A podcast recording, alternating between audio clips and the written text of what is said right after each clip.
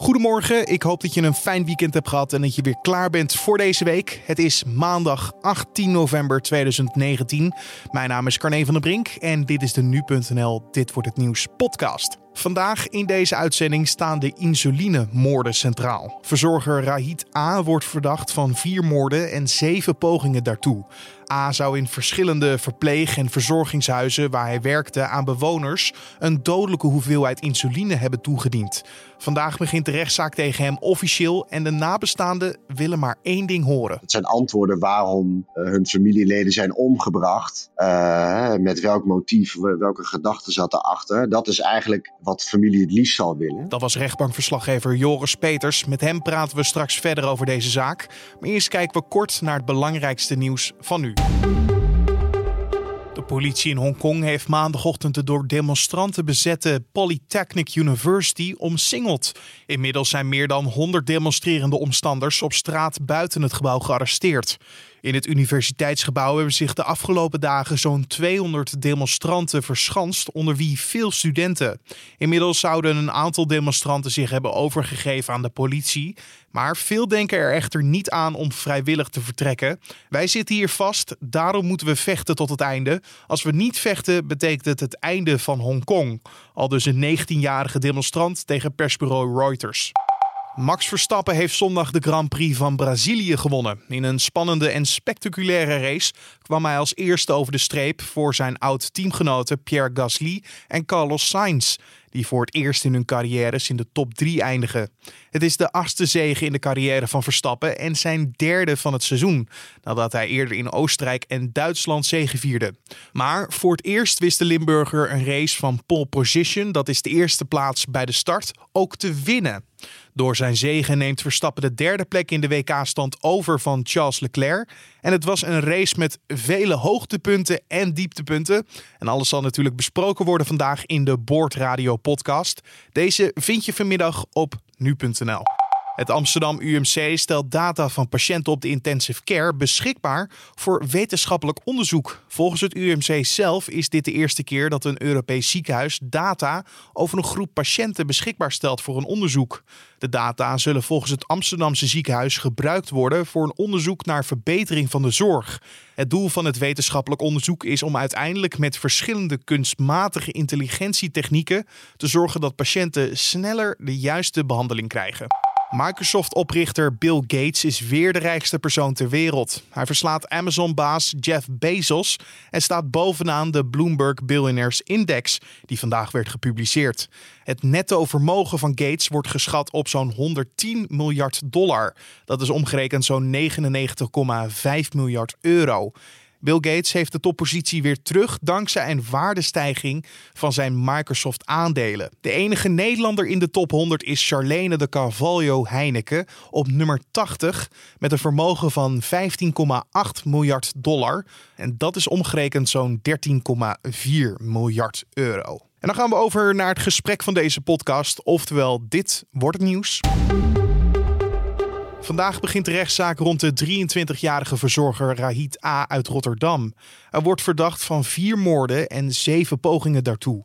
A zou in verschillende verpleeg- en verzorgingshuizen waar hij werkte aan bewoners een dodelijke hoeveelheid insuline hebben toegediend. Om die reden heeft deze zaak dan ook de bijnaam de insulinemoorden gekregen. Rechtbankverslaggever Joris Peters kan ons er alles over vertellen. Nou, dat gaat over een, uh, een jonge man die inmiddels 23 is en die wordt verdacht uh, van het ombrengen van, uh, van zeker vier personen. En daarnaast ehm, onwelwordingen van zeven anderen. En dat kwam allemaal door dat hij uh, ze insuline toediende, terwijl dat medisch niet noodzakelijk was. Dus hij wordt verdacht van vier keer uh, moord en, en zeven keer een poging tot moord. De hoofdverdachte in deze zaak is Raid A. W wat voor beeld hebben wij van hem? Hij was werkzaam in, in verschillende zorginstellingen in de regio Rotterdam. en op die manier heeft hij toegang gekregen tot onder andere insuline. En heeft hij deze toeging. Dat is in ieder geval de verdenking. Hè? De jongen heeft ooit een keer, of de man moet ik zeggen, de verklaring afgelegd. Uh, waarin die drie gevallen bekend. en hij zou zeggen, ja, één keer ging dat per ongeluk, was het een foutje. En twee keer heb ik het inderdaad uh, expres gedaan. Zijn advocaat heeft er later alleen over gezegd van, uh, ja, ik weet niet onder welke omstandigheden deze bekentenis is afgelegd. Uh, die jongen is psychisch behoorlijk in de war. Dus ik weet niet hoeveel waarde er gehecht moet worden aan deze bekentenis. En hoe kijken ze dan naar, naar deze bekentenis? Hebben ze nu al gezegd, oké, dat psychische aspect gaan we nu heel serieus nemen in de zaak? Of nou ja, hij is al onderzocht door het, hij is onderzocht door het Pieter Baan Centrum.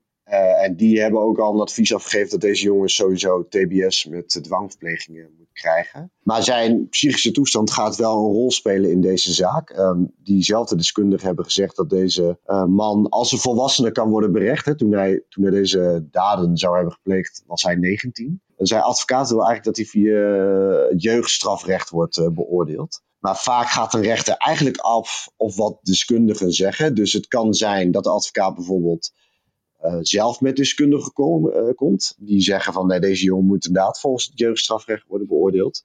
Uh, maar anders gaat een rechter eigenlijk altijd uit van de deskundige van in dit geval Pieter Baanzet. En hoe zagen de werkzaamheden van hem er dan uit? Kwam hij bijvoorbeeld alleen voor het insuline indienen in aanraking met patiënten? Nee, nee, nee. hij was een, een, een hulpverlener in die, in die zorginstellingen. Hij was zelfs stagiair bij sommigen. Um, maar goed, hij was er dus gewoon werkzaam. Hij had een uh, verklaring van goed gedrag. Uh, die schijnt hij uh, vervalst te hebben. Dus ik denk dat hij heeft opgegeven, dingen heeft opgegeven die niet kloppen. En zo kon hij beschikken over een verklaring van goed gedrag. En daardoor uh, kon hij ook werkzaam zijn in deze instellingen. Want de politie is uiteindelijk op zijn spoor gekomen doordat hij tegen de lamp liep, toch? Ja, in, in november 2017 is er een persoon uh, onwel geworden in een van de instellingen. En toen is eigenlijk geconstateerd dat zij dus insuline had uh, toegediend had gekregen. terwijl het niet hoorde. en toen zijn ze eigenlijk, toen hebben ze aangifte gedaan. En toen zijn ze verder gaan kijken naar andere gevallen. En toen bleek in, datzelfde, in diezelfde zorginstelling al eerder een persoon te zijn overleden. Uh, ook als het gevolg, uh, aan het gevolg van uh, toedienen van insuline zonder medische noodzaak. Ja, en toen is eigenlijk het balletje gerollen. En toen zijn, hebben andere zorginstellingen waar deze jongen ook heeft gewerkt. die zijn zich ook gaan, hebben zich ook gemeld. Um, en toen, daarom heeft het onderzoek ook zo lang geduurd. Hè? Deze, jongen zit al, of deze man zit al een tijdje in voorarrest. Um, ze zijn heel veel medische dossiers hebben ze doorgeploegd. Uh, ze hebben zelfs mensen opgegraven. Uh, om maar uit te zoeken uh, in hoeveel gevallen deze jongen verdacht wordt van het al dan niet bewust ombrengen van deze personen. En dan hebben ze specifiek gekeken naar de hoeveelheid insuline die op het laatste moment van hun leven werd toegediend? Ja, ik vind dat zelf uh, moeilijk. Ik verwachtte die vraag van jou, maar ik ben geen uh, dokter. Dus uh, even, ze kunnen ieder geval vaststellen. Hè. Je hebt inderdaad dus medische rapporten, daarin worden dingen vastgelegd. Maar ook de patholoog-anatoom heeft weer gekeken naar onderzoek gedaan op deze lichamen. En mogelijk ook nog gekeken naar destijds de rapporten die zijn opgemaakt van hun dood. En op die manier denken ze in dus in dit geval elf gevallen uh, dat ze genoeg verdenkingen hebben om deze, deze man voor te vervolgen. Als we kijken naar deze zaak, er is natuurlijk ook de kant van de familie. Hoe kijken zij naar deze ontwikkelingen? Nou, dit gaat voor hun wel pittig worden. Dat is het natuurlijk sowieso altijd van nabestaanden. Maar ik denk dat zij, wat eigenlijk iedereen altijd wil, dat, dat zijn antwoorden. Dat zijn antwoorden waarom uh, hun familieleden zijn omgebracht. Uh, met welk motief, welke gedachten zat erachter. Dat is eigenlijk um, wat familie het liefst zal willen. Uh, en ondertussen uh, vragen zich ook wel af hoe dit heeft kunnen gebeuren. Hè. Er zijn een aantal nabestaanden die hebben een aanklacht ingediend tegen een van de zorginstellingen. Omdat zij eigenlijk vinden dat zij zich te laks hebben opgesteld. Zodat deze man kon doen wat hij, waar hij van verdacht wordt. Um, dus in dat geval zal het ook wel belangrijk zijn wat deze zaak gebeurt. Hè? Dus ze zullen wellicht aanknopingspunten zien om die aanklacht uh, door te zetten. Of wellicht ook tegen de andere zorginstellingen in te dienen. Ja, over die aanklacht, daar moet denk ik meer bekend over worden na deze zaak. Deze zaak gaat denk ik eerst voor. Er zijn acht zittingsdagen voor uitge uitgetrokken. Is dat lang voor zo'n zaak? Uh, ja en nee, want als je kijkt naar het aantal gevallen, in dit geval elf, uh, zoals ik eerder zei, vier moorden en zeven pogingen daartoe, dan zijn er ook behoorlijk wat feiten om te behandelen. Daar staan eigenlijk de eerste drie dagen van deze rechtszaak staan daar in het teken van. Uh, maar het is ook wel heel, heel, erg afhankelijk van wat deze man gaat zeggen. Gaat hij een verklaring afleggen? Gaat hij dat uitgebreid doen? Gaat hij dat helemaal niet doen? En als hij inderdaad met de rechter in gesprek gaat, ehm, dan zullen er misschien wel vier dagen, vier dagen nodig zijn voor de inhoudelijke behandeling van de feiten. zo niet, dan kan het wel allemaal wat sneller gaan. En de andere dagen zijn natuurlijk hè, de slachtofferverklaringen, de eisen die zij hebben, als in schadevergoedingen. En dan heb je natuurlijk nog het requisitor, het verhaal van de verdediging. Dan mogen OM en verdediging ook wel op elkaar reageren. Dus dan kan je wel voorstellen dat dat snel uitkomt op, uh, op acht dagen in dit geval. Tijdens de laatste niet-inhoudelijke zitting was uh, de hoofdverdachte aanwezig. Daar zei hij eigenlijk niks, hè? Nee, dat, ik vind het ook een slecht teken voor, voor wat hij nu wel of niet gaat zeggen, hoor. Dat is vaak geen goed teken of voor een, voor een uitgebreide verklaring. Ik hoop het uh, van wel, uh, vooral voor de nabestaanden natuurlijk. Um, maar hij was behoorlijk zenuwachtig. Hij, als hij antwoord gaf, dan was het nauwelijks te verstaan. En het was allemaal vrij kort, maar de rechter wilde hem eigenlijk vooral voorbereiden op wat komen gaat. te beginnen met vandaag. En daar zal veel media-aandacht voor zijn. Hè? Ik bedoel, ja, wij hebben het er nu ook over. dat zal morgen, de, de zaal zal, zal helemaal vol zitten dat zal, dat zal pittig worden voor hem. Rechtbankverslaggever Joris Peters hoorde je. En hij zal vandaag ook aanwezig zijn bij de rechtszaak. Dus wil je op de hoogte blijven? Kijk dan op nu.nl of onze app. En dan gaan we nog even kijken naar de verdere nieuwsagenda voor vandaag. Wie deze maandag ook voor de rechter verschijnt is een 40-jarige man uit Drachten. Hij wordt vervolgd voor het uploaden van naaktbeelden van Nederlandse handbalsters. Dit gebeurde maart vorig jaar in een sauna. En de eigenaren van de sauna, die ervan werden verdacht bezoekers heimelijk te hebben gefilmd, worden niet vervolgd. En de actiegroep Extinction Rebellion roept vandaag klimaatactivisten op tot een wereldwijde hongerstaking.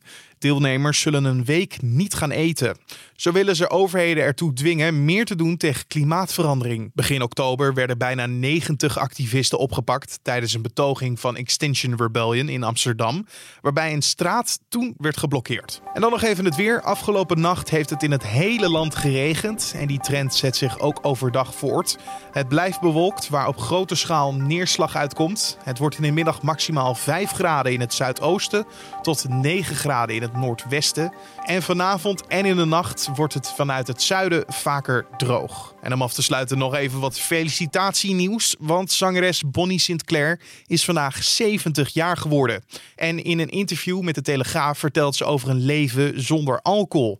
Ze heeft namelijk al 15 maanden geen alcohol meer gedronken.